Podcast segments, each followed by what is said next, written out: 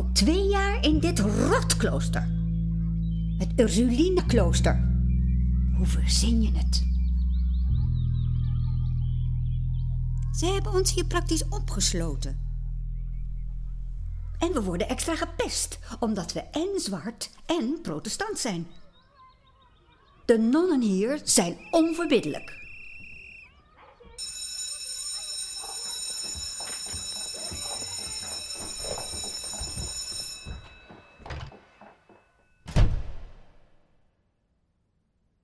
Zijn inmiddels twaalf jaar verder, in het jaar 1916.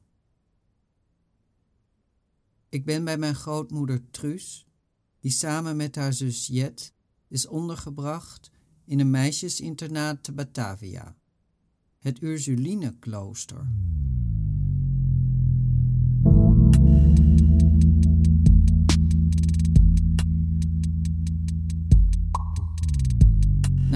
Vertrek van Non trouwde Henry met de Nederlandse Josine Metselaar, met wie hij in de jaren opvolgend nog eens vier blonde kinderen kreeg. Binnen dit gezin werden de twee donkere kinderen duidelijk niet als gelijkwaardig beschouwd. Zo wilden de ouders bijvoorbeeld niet samen met hen op straat gezien worden. Na verloop van tijd moesten ze dus vertrekken naar Batavia. De jaren in het klooster waren al niet veel beter en werden getekend door eenzaamheid, door honger en ook weer door discriminatie.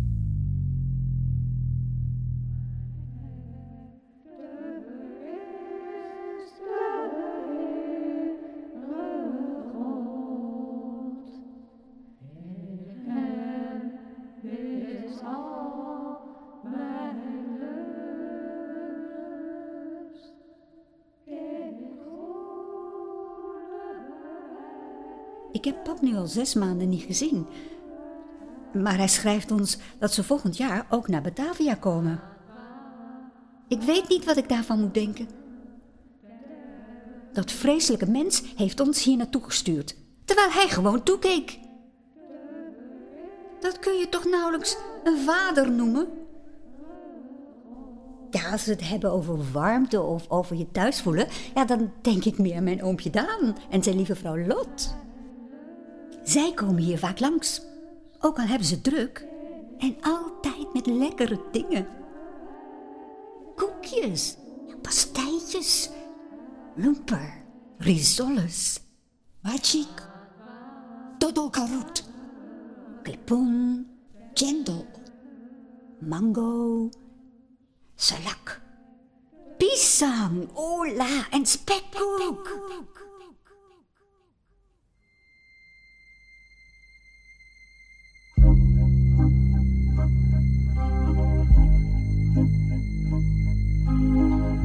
Henry en zijn gezin verhuisden datzelfde jaar inderdaad ook naar Batavia, maar een jaar later stierf Henry aan de gevolgen van een longziekte. Hij was toen 45 jaar oud. Met haar stiefmoeder en de blonde kinderen heeft Truus na het overlijden van haar vader geen contact meer gehad. Aansluitend op de kostschool werd ze opgenomen in het gezin van haar oom Daan, waar ze een heerlijke tijd had met haar nichtjes en alle jonge lui die daar over de vloer kwamen. Truus doorliep met succes de middelbare en vervolgens de handelsschool.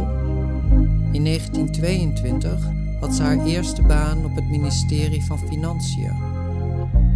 Een jaar later werd ze aangesteld tot ambtenaar op het hoofdkantoor van de Belastingdienst. Van deze tijd heb ik veel foto's van haar vriendinnen, haar collega's en van een acht maanden lange reis die ze maakte door Europa.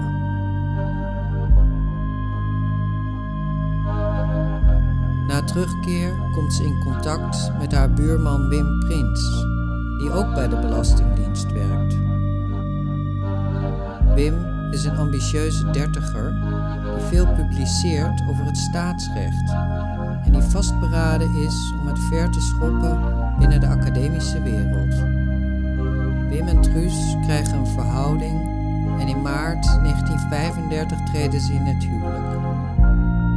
De jaren die volgen zijn de mooiste die mijn grootouders gekend hebben. Wat wel blijkt uit alle foto's met de vrienden, de feestjes en een grote reis naar Nederland, naar de oer-Hollandse familie van Wim. Een jaar later wordt Jeannette geboren en in december 1940 kom jij ter wereld. Francis Prins van Bramorres. Er zijn veel mooie foto's van jullie in de tuin op de Lombokweg. Met Jeannette, met Saartje, de buurkinderen, het zwembadje, je stralende ouders en alles gehuld in eenzelfde magische gloed van prille gelukzaligheid.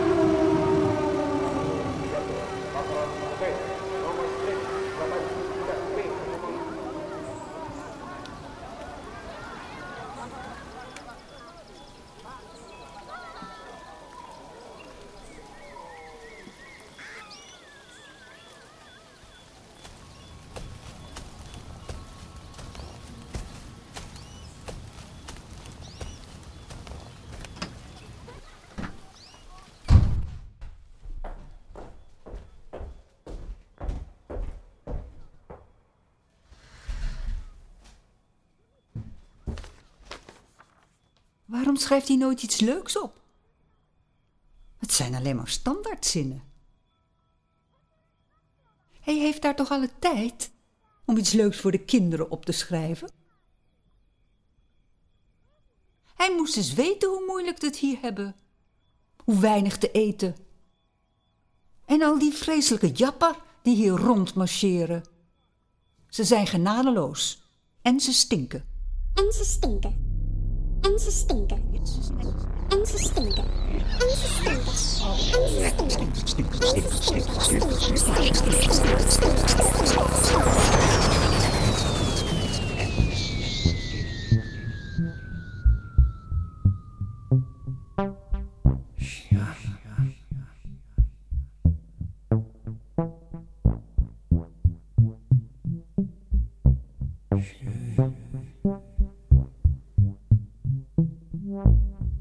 Het is 1944. Jullie wonen in Menteng, een grote Nederlandse villa-wijk aan de rand van de oude stad. De situatie in Batavia is na de Japanse overname volledig veranderd. Blanke families zitten in de kampen. De straten en huizen in Menteng zijn leeg. In sommige huizen wonen Indo-families, zoals jullie, maar zonder de mannen. Die zitten alle krijgsgevangen. In Menteng zijn ook huizen geconfiskeerd door Japanse officieren of andere hooggeplaatste militairen. De sfeer op straat is onheilspellend. Er hangen soldaten rond en s'avonds trekken opgeschoten Indonesische jongeren door de wijk. Ze hebben weinig goeds in de zin en jullie zijn er bang voor.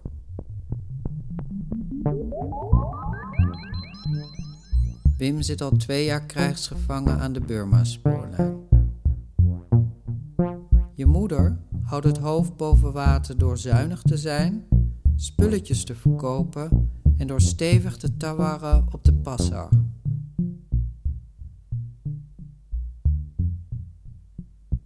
De dreiging op straat wordt steeds groter en de armoede een steeds acuter probleem. Jullie verhuizen naar de bevriende familie Regnault die om de hoek woont. Jullie verblijven daar in de garage.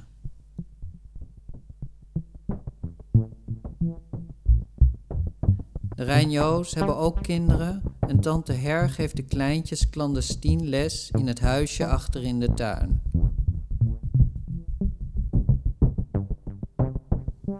Je moeder heeft een kaartje ontvangen van Wim. Die krijgt ze vaker. Het zijn van die standaardkaartjes waarin de teksten zijn voorgedrukt in het Engels. Er staan teksten op als Your mails are received with thanks. My health is good. I am paid monthly salary.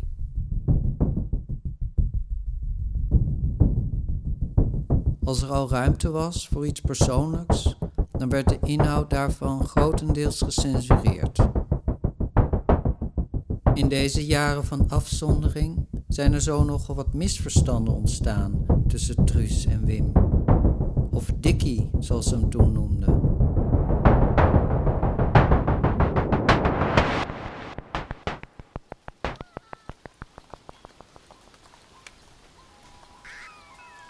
Wat zal ik terugschrijven? Moet ik het hem uitleggen? Maar dat past toch allemaal niet op zo'n kaartje? Wie verzint er nou zoiets? Hij heeft ons nu bijna twee jaar niet gezien. Eh, We zijn nog in leven, ja, dat wel. We zijn niet ziek, tenminste, we gaan niet dood. We hebben het eten, maar altijd honger. Het is genoeg geweest. We zijn er klaar mee. Met die oorlog, met de armoede, met de honger, met de stress, met alles gewoon. Ah, ik wou dat hij hier was. Hoe heeft dit kunnen gebeuren? Nou ja, wat denk je hiervan? Zou dit wat kunnen zijn?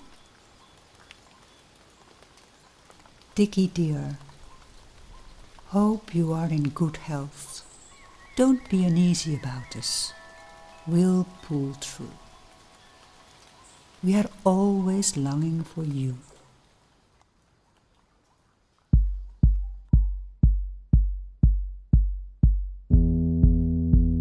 Tijdens het werken aan dit stuk heb ik me logischerwijs vaak voorgesteld hoe het zou zijn om in die tijd te leven.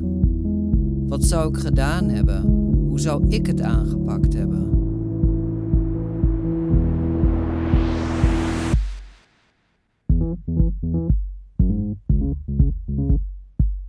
Neem nou bijvoorbeeld Frederik, de Amerikaanse koopman.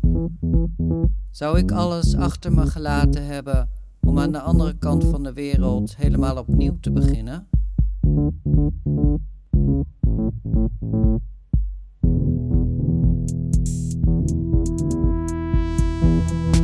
Zelf natuurlijk geen pionier, maar creatief zoek ik wel steeds naar nieuwe mogelijkheden, nieuwe wegen.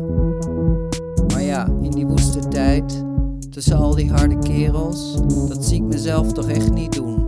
Doen, doen, doen, doen, doen, doen, doen. Dat zie ik mezelf niet doen. Dit is het verhaal wat hij koestert, maar tegelijkertijd bestrijdt. Bewondert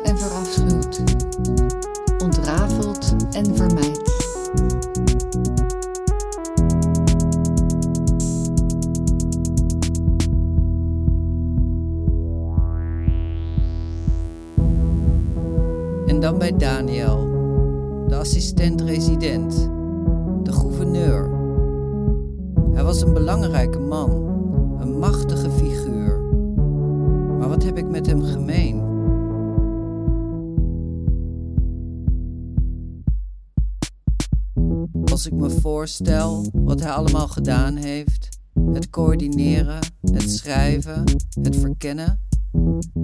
Het roept ergens een vertrouwd beeld op. Ik kan daar wel wat mee. Ja, ja, ja, ja, ja, ja, ja, kan daar wel wat mee. En dan bij Henry, met zijn lieve non. Hoe zou ik dat doen? Als je jarenlang alleen bent, met de zeden van die tijd, als de romance opbloeit, ondanks alle spijt, spijt, Ondanks alle spijt. Dit is het verhaal wat hij koestert, maar tegelijkertijd bestrijdt. Bewondert en verafschuwt. Ontrafelt en vermijdt.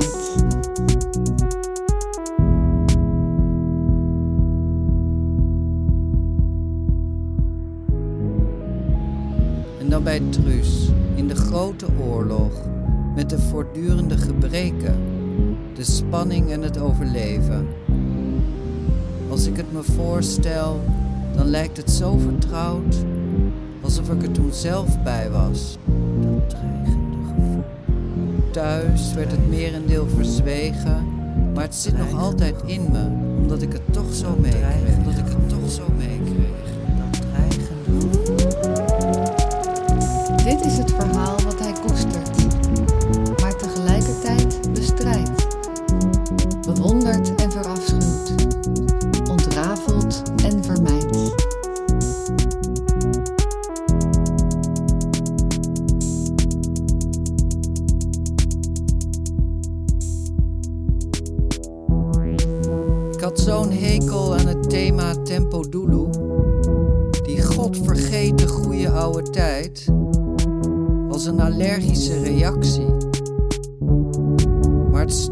nu naar buiten. Voor eens en voor altijd. Voor eens en voor altijd. Voor eens en voor altijd. Voor eens. Ini cerita yang saya memelihara dengan kasih sayang Dan pada waktu yang sama Yang saya melawan Yang saya saya benci Yang saya menguraikan Dan yang saya menjauhkan dari saya Dari saya Dari saya Dari saya yang saya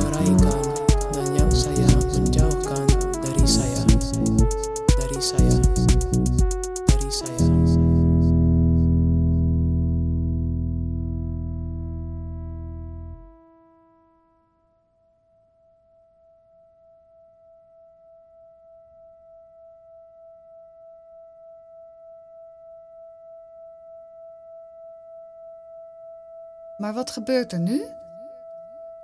Het verhaal houdt hier toch niet op? Nee, dat klopt. Maar we zijn al een tijd bezig en er is al zoveel gezegd. Wat wil je nog weten? Je hebt verteld over de oorlog, maar wat gebeurde er daarna? Hoe zag de tijd na de bevrijding eruit? Er is momenteel veel aandacht voor de nasleep van de Japanse bezettingsjaren. De chaos die direct na de capitulatie ontstond, de proclamatie Kermeda Kaan, de Bersiap en de daaropvolgende onafhankelijkheidsoorlog, die bijna vier jaar duurde. Van een bevrijding was in ieder geval geen sprake.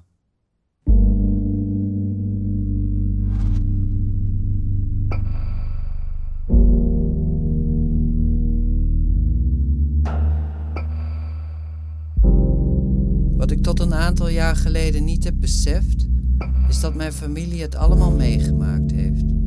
Dat ze er gewoon middenin zaten.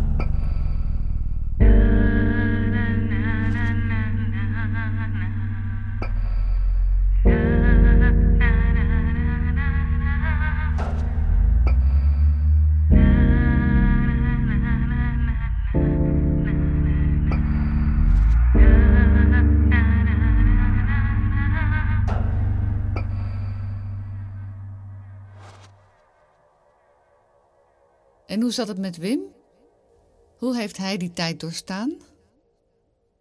Wim had het natuurlijk erg slecht gehad in Burma.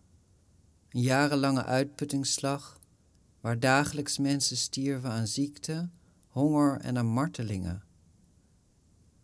Het is allemaal echt moeilijk voor te stellen, maar hij gaf in die tijd geïmproviseerde lezingen aan zijn medegevangenen.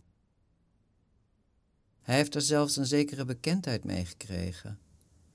Hij sprak dan over onderwerpen die hem lief waren, zoals kunst en geschiedenis.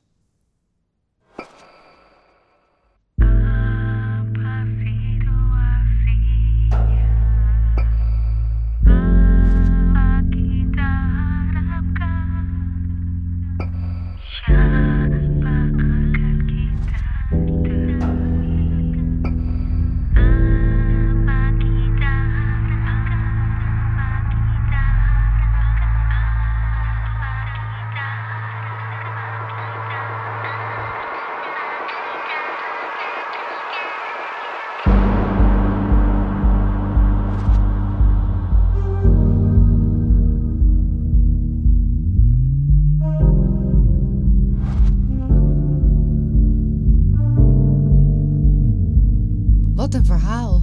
En toen dat allemaal voorbij was? Na de capitulatie van Japan mochten de krijgsgevangenen vanwege de chaos in Indonesië niet direct naar huis terugkeren.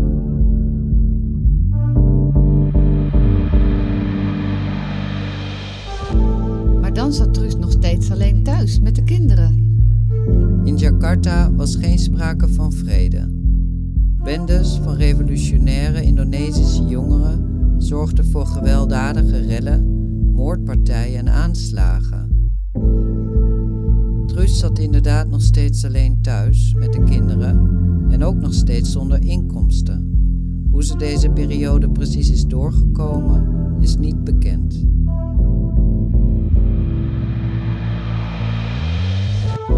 De situatie hield nog maanden aan, maar op een avond in maart 1946 kwam Wim na bijna vier jaar afwezigheid eindelijk weer thuis. De oorlog leek nu pas echt voorbij.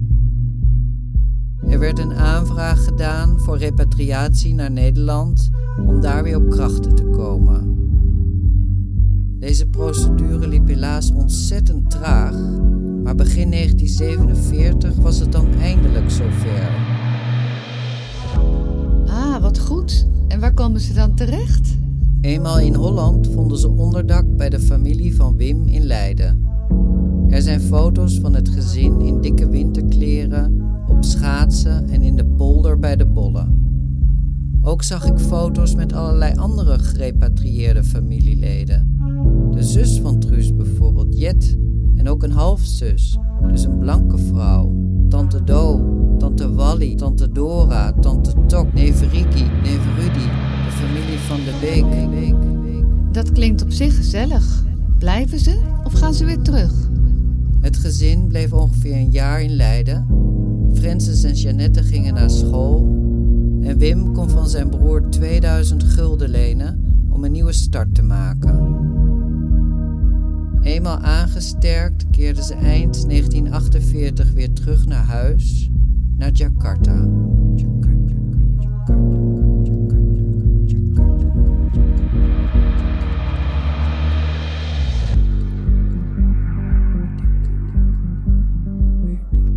Daar leek het leven zich eerst weer te stabiliseren. Er werd een appartement gevonden in hun oude buurtje Menteng. Wim ging weer lesgeven en de kinderen pakten hun studie weer op. Dat lijkt weer de goede kant op te gaan, inderdaad. Ja, maar de politieke spanningen bleven voortduren en verslechterden zelfs. Nederland en Indonesië voerden immers een vredeoorlog.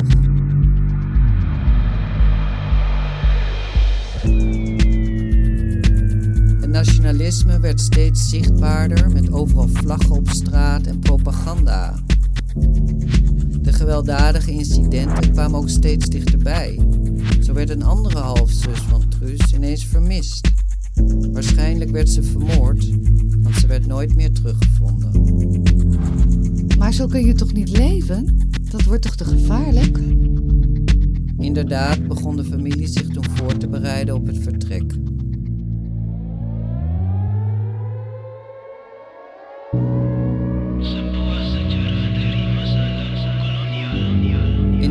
1950 ging Jeannette als eerste terug naar Nederland voor haar verdere opleiding.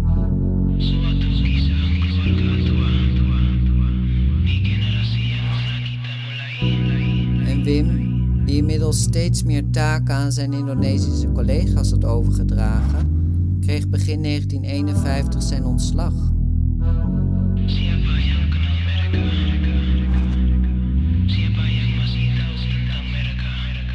Het voorjaar van hetzelfde jaar vertrok het gezin ook naar Nederland, maar nu voorgoed. disampaikan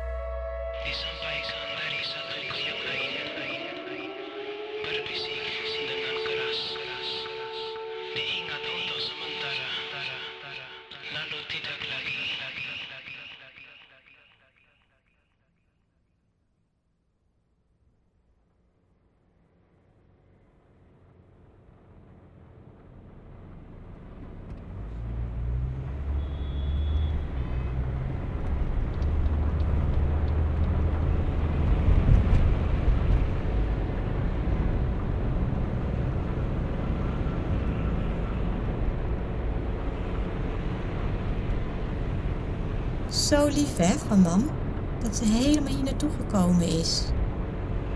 Ze is nog nooit in Groningen geweest.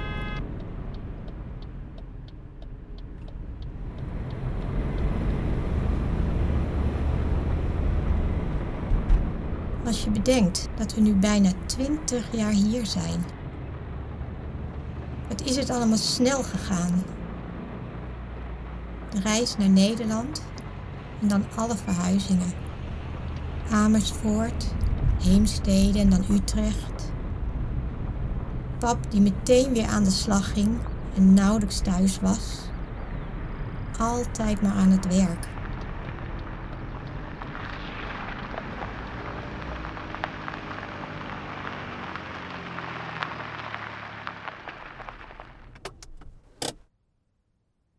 Ze zijn nu vier jaar uit elkaar.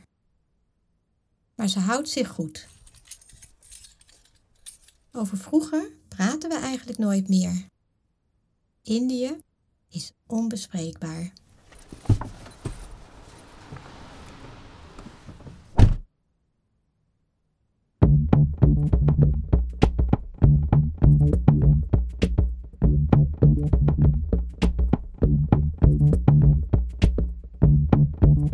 Het is het jaar 1969.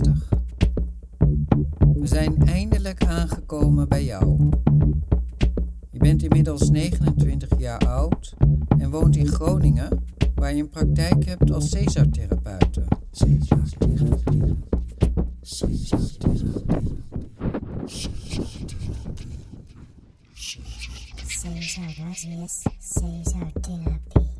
De eerste jaren in Nederland verliepen chaotisch. Dat is wel duidelijk. Verhuizingen kwam je steeds op verschillende scholen terecht en zat je ook een tijdje op een katholiek meisjesinternaat. Eigenlijk net als je moeder destijds. Na de middelbare school ging je naar de vakschool van mevrouw Cesar en aansluitend verhuisde je naar Groningen waar pap studeerde. Pap studeerde.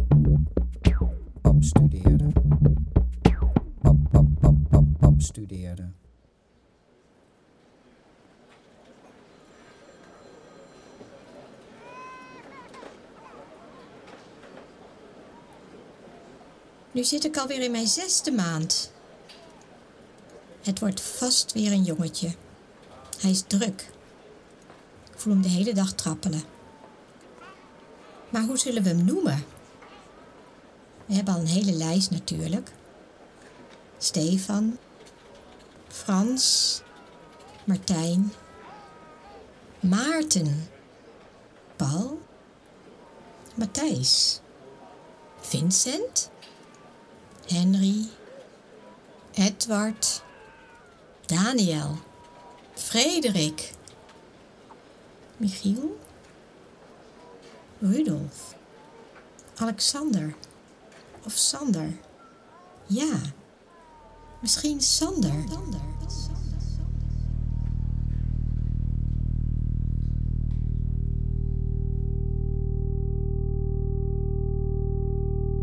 Dit familieverhaal eindigt met een citaat uit het laatste hoofdstuk van je boekje. Ik ben zo blij dat jij het ingesproken hebt, mam, en dat je daarmee ook deel bent geworden van dit kunstwerk. Dit is immers het verhaal wat jou en daarmee ook mij gevormd heeft. In al zijn kracht, maar ook in al zijn pijn.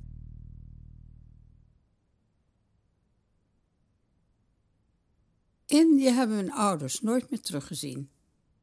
Er bleven wel nog enkele van Bramorrissen achter in het nieuwe Indonesië. En zij zijn natuurlijk helemaal in de Indonesische maatschappij opgegaan.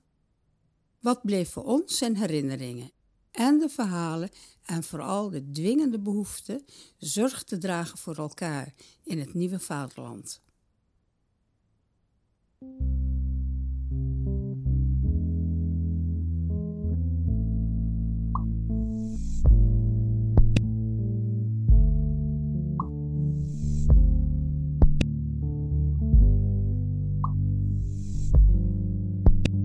Achterland kwam tot stand van januari 2020 tot en met februari 2021. Frans Nooy speelde de rol van Frederik van Bramorres. Steve Vellinga vertolkte het personage Daniel. Short Groen acteerde de rol van Henry.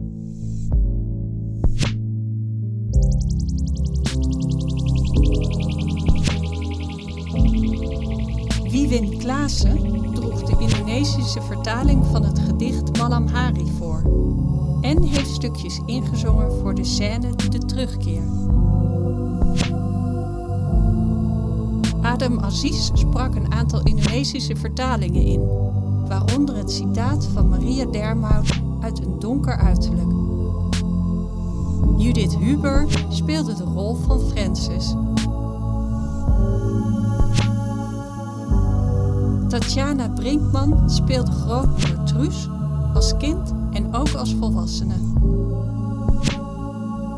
Mariek van Diemen nam de rol in van de vragensteller en van Engel. Frances Hakko droeg zelf haar citaat uit haar boekje voor. Sander Hakko schreef het scenario, de teksten, hij componeerde de muziek en hij speelde natuurlijk de rol van de verteller. Martine Smit-Marië presenteerde de inleiding en de aftiteling.